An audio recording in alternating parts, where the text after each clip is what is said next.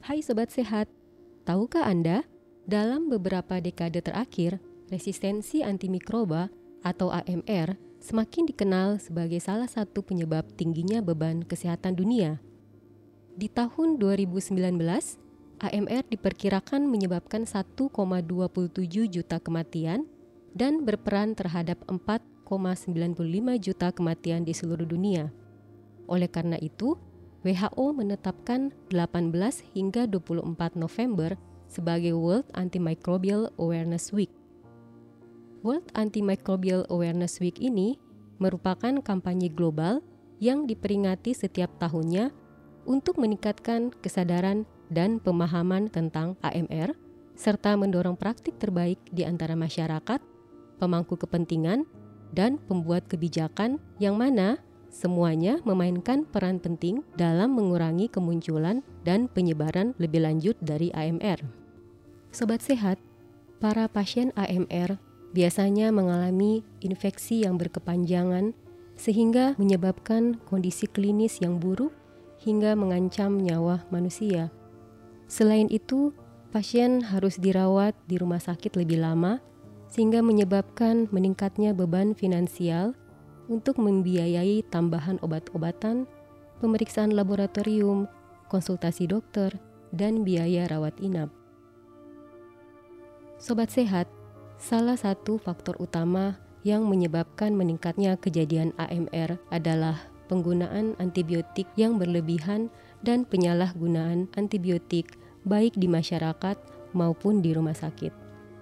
Sobat sehat, salah satu faktor utama yang menyebabkan meningkatnya kejadian AMR adalah penggunaan antibiotik yang berlebihan dan penyalahgunaan antibiotik baik di masyarakat maupun di rumah sakit. Terlebih, penggunaan antibiotik berspektrum luas mempunyai risiko lebih tinggi untuk mendorong meningkatnya AMR. Pada negara-negara yang berpenghasilan rendah dan menengah, pemberian resep antibiotik yang berlebihan atau antibiotik yang tidak dibutuhkan dipengaruhi oleh kurang optimalnya infrastruktur rumah sakit, tingginya volume pasien, dan tidak ada atau lemahnya eksekusi kebijakan tentang penggunaan antibiotik. Selain itu, karena mitigasi dan eliminasi AMR yang belum menjadi prioritas utama, maka alokasi sumber daya dan pembiayaan untuk masalah ini juga masih minim. Lalu, bagaimanakah kebijakan penggunaan antibiotik dan kejadian AMR di Indonesia? Mari kita bahas lebih lanjut ya. Sobat sehat, Indonesia diperkirakan memiliki beban AMR dan penggunaan antibiotik yang tinggi. Data konsumsi antibiotik dunia menunjukkan Indonesia berada di peringkat 29 dari 76 negara di dunia. Berbagai aksi untuk menekan laju AMR di Indonesia sudah dimulai sejak tahun 2000, namun dalam 15 tahun pertama, implementasinya di lapangan belum terlalu tampak. Sejak tahun 2015, seiring dengan gencarnya agenda AMR di tingkat dunia, geliat aksi dan program AMR di Indonesia mulai tampak secara signifikan. Pemerintah mengeluarkan berbagai kebijakan dan pedoman sehubungan penggunaan antibiotik secara bijak, termasuk rencana aksi nasional AMR. Rumah sakit merupakan salah satu sasaran kunci program AMR, di mana rumah sakit diharuskan untuk membuat dan mengimplementasikan program pengendalian resistensi antimikroba atau PPRA dengan fokus utama membatasi penggunaan jenis antibiotik tertentu. Terlepas dari perkembangan positif ini, tinjauan sistematis tentang penggunaan antibiotik di Indonesia yang dilakukan oleh tim peneliti OKRU menemukan bahwa konsumsi antibiotik di rumah sakit meningkat dua kali lipat sejak tahun 2016 dibandingkan tahun-tahun sebelumnya. Dan untuk menggali faktor-faktor yang mendorong pemberian resep antibiotik, dan implementasi PPRA di rumah sakit di Indonesia, pada tahun 2019 sampai 2020 kami melakukan penelitian di enam rumah sakit di Jakarta yang terdiri dari tiga rumah sakit pemerintah dan tiga rumah sakit swasta. Penelitian ini juga sekaligus bertujuan untuk mengetahui prevalensi atau proporsi penggunaan antibiotik di rumah sakit-rumah sakit tersebut. Pada penelitian ini, kami menemukan bahwa 59% dari pasien di rumah sakit mendapatkan setidaknya satu resep antibiotik. Tiga golongan antibiotik terbanyak yang diresepkan adalah antibiotik berspektrum luas yang mempunyai risiko lebih tinggi mendorong terjadinya resistensi Antibiotik-antibiotik ini adalah pertama, golongan cefalosporin generasi ketiga sebanyak 44,4 persen, di mana 60,4 persen dari golongan ini adalah ceftriaxone. Yang kedua adalah golongan fluoroquinolone sebanyak 13,5 persen, di mana 79 persen dari golongan ini adalah levofloxacin dan yang ketiga adalah golongan karbapenem sebanyak 7,4 persen, di mana 87,2 persen adalah meropenem.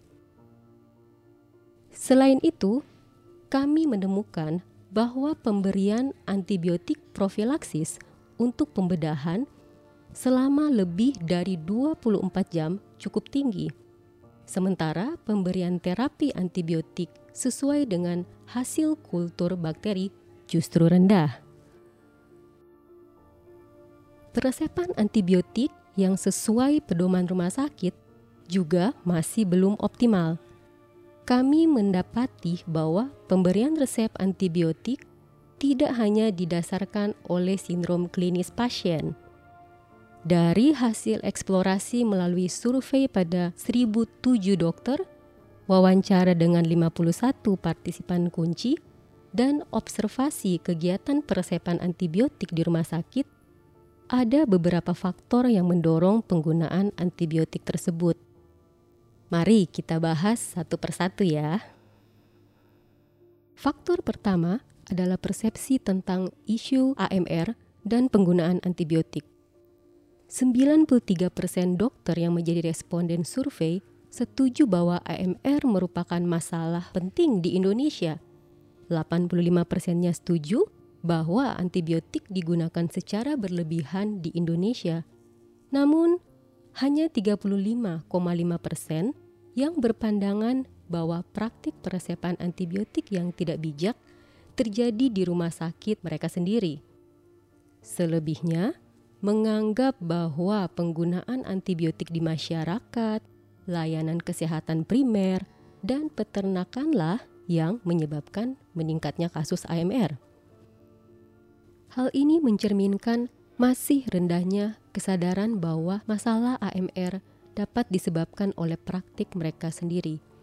Selain itu, rendahnya kepemilikan akan masalah AMR membuat mereka berpendapat bahwa oknum di luar rumah sakitlah yang lebih bertanggung jawab terhadap masalah AMR.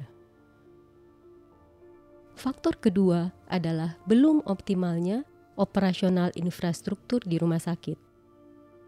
Salah satu alasan dokter menggunakan antibiotik adalah masih rendahnya kepercayaan terhadap fasilitas pembedahan seperti sterilisasi kamar operasi yang terstandar dan higienisitas ruangan manajemen pasien pasca operasi. Hal ini mendorong dokter untuk memperpanjang durasi pemberian antibiotik dengan alasan mencegah pasien terinfeksi selama masa pemulihan. Selain itu, fasilitas pemeriksaan kultur untuk menentukan diagnosis infeksi masih belum optimal. Dokter sering harus menunggu hasil kultur yang lama selama 3 sampai 5 hari. Beberapa dokter menemukan hasil kultur yang tidak dapat dipercaya karena prosedur pengambilan sampel dan pemeriksaan yang belum terstandar. Hal ini menyebabkan dokter lebih memilih untuk memberikan resep antibiotik empiris berspektrum luas dibandingkan menunggu hasil kultur yang lama atau menggunakan hasil yang tidak dapat dipercaya. Faktor ketiga adalah prioritas program pengendalian resistensi antimikroba atau PPRA. Di mayoritas rumah sakit, PPRA belum menjadi prioritas utama, di mana rumah sakit belum menyediakan alokasi dana khusus untuk implementasi PPRA yang berkelanjutan. Seringkali kegiatan PPRA menjadi lebih giat atau diprioritaskan hanya saat mendekati akreditasi rumah sakit. Hal ini menjadi halangan bagi tim atau komite PPRA untuk menjalankan program secara berkelanjutan sehingga memberikan dampak yang signifikan. Faktor keempat adalah kerentanan sistem kesehatan. Biaya pemeriksaan kultur yang cukup mahal memengaruhi dokter untuk tidak melakukan pemeriksaan kultur. Salah satu contohnya adalah kekhawatiran dokter akan tidak tercukupnya pembiayaan pasien melalui Sistem Jaminan Kesehatan Nasional atau JKN. Selain pembiayaan, dokter mempunyai pengalaman dalam menggunakan antibiotik di bawah standar. Selain menjadi hambatan bagi dokter untuk mengikuti pedoman antibiotik, antibiotik dengan kualitas di bawah standar dapat mendorong terjadinya AMR. Sobat sehat, jika Anda ingin mengetahui lebih detail mengenai penelitian ini, termasuk faktor-faktor lain yang menjadi alasan dokter meresepkan antibiotik untuk pasien di rumah sakit, Anda dapat mengunduh dan membaca artikel kami yang dipublikasikan di Jurnal Kesehatan. Linknya dapat Sobat Sehat lihat di bagian deskripsi podcast ini ya. Sobat Sehat, sebagai penutup, ada dua hal yang kami rekomendasikan berdasarkan penelitian ini. Yang pertama, mari membagi beban solusi AMR secara adil antara dokter, rumah sakit, dan pemerintah yang bertanggung jawab di tingkat sistem kesehatan. Selama ini, dokter menanggung beban yang paling besar untuk menekan AMR melalui PPRA yang sebagian besar berfokus untuk menekan penggunaan antibiotik. Sementara, faktor-faktor yang mendorong dokter untuk memberikan antibiotik ada di berbagai tingkat, termasuk di tingkat rumah sakit dan sistem kesehatan. Yang kedua, yuk ubah paradigma dalam PPRA dengan mengidentifikasi dan mengimplementasikan faktor-faktor sosial yang menghambat penggunaan antibiotik dengan bijak. Setiap rumah sakit memiliki prioritas, dinamika, dan ketersediaan sumber daya yang berbeda. Dengan melakukan identifikasi faktor-faktor penghambat dan pendukung yang spesifik di rumah sakit masing-masing, maka tim atau komite PPRA dapat menentukan aspek intervensi PPRA mana yang paling efektif. Kalau sobat sehat sendiri, kira-kira apa peran yang bisa Anda lakukan untuk menekan laju AMR di Indonesia? Coba tuliskan pendapat Anda di kolom komentar ya.